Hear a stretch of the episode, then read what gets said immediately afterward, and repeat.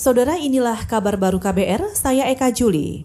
Komisi Nasional Hak Asasi Manusia atau Komnas HAM menilai penerapan pembatasan sosial berskala besar atau PSBB rentan terhadap pelanggaran HAM.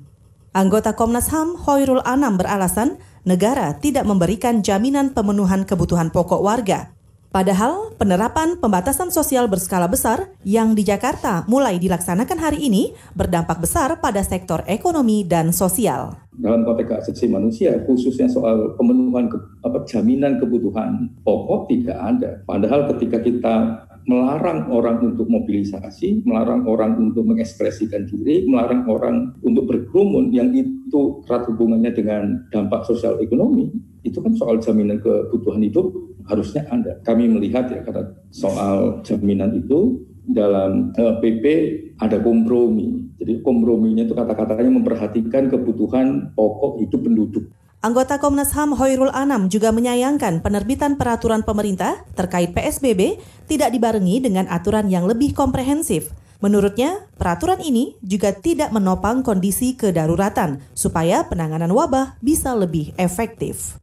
Saudara, pembatasan sosial berskala besar atau PSBB di DKI Jakarta resmi diberlakukan mulai hari ini. Dalam aturannya, PSBB melarang ojek online mengangkut penumpang. Gubernur DKI Jakarta Anies Baswedan mengatakan, sesuai peraturan Menteri Kesehatan tentang PSBB, ojek online hanya dibolehkan membawa barang.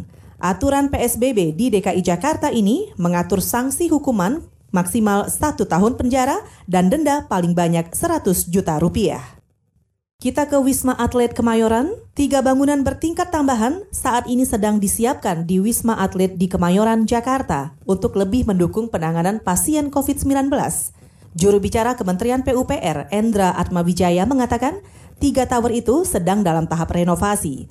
Sebelumnya, Kementerian PUPR merenovasi empat dari sepuluh bangunan bertingkat Wisma Atlet Kemayoran untuk dijadikan sebagai rumah sakit darurat COVID-19 untuk renovasi rehabilitasi rumah sakit darurat di Atlet Mayoran ya. Kan ini kan eh, ada 10 totalnya kita sudah siapkan 4 sekarang sedang berjalan tiga lagi. Di nanti ada 7 dari 10 eh, tower yang kita sudah eh, siapkan.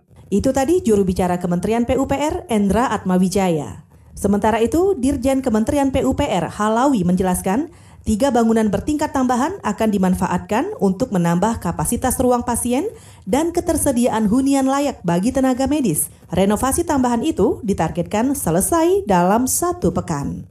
Kita ke soal ekonomi. Inflasi pada April ini diperkirakan masih dalam posisi terkendali meski di tengah pandemi COVID-19. Gubernur Bank Indonesia Peri Warjio mengatakan, optimisme itu didasarkan pada perkembangan harga bahan kebutuhan pokok di pasar yang tetap terkendali dan terjangkau. Bank Indonesia memperkirakan bahwa inflasi di bulan April ini akan berada di sekitar 0,2 persen mantumannya kalau dihitung year on year-nya atau secara tahunannya rendah yaitu 2,80 persen. Ini rendah, menunjukkan ini bagaimana berbagai faktor yang berpengaruh terhadap inflasi itu terkendali. Gubernur Bank Indonesia Peri Warjio juga meyakini beberapa faktor tetap menyebabkan harga bahan pokok terkendali saat pandemi COVID-19. Misalnya, kinerja bagus tim pengendali inflasi pusat dan tim pengendali inflasi daerah dalam memantau ketersediaan bahan pokok. Peri Warjio juga menilai pelemahan kurs rupiah tidak terlalu berpengaruh besar terhadap harga-harga sembako. Saudara, demikian kabar baru. Saya Eka Juli.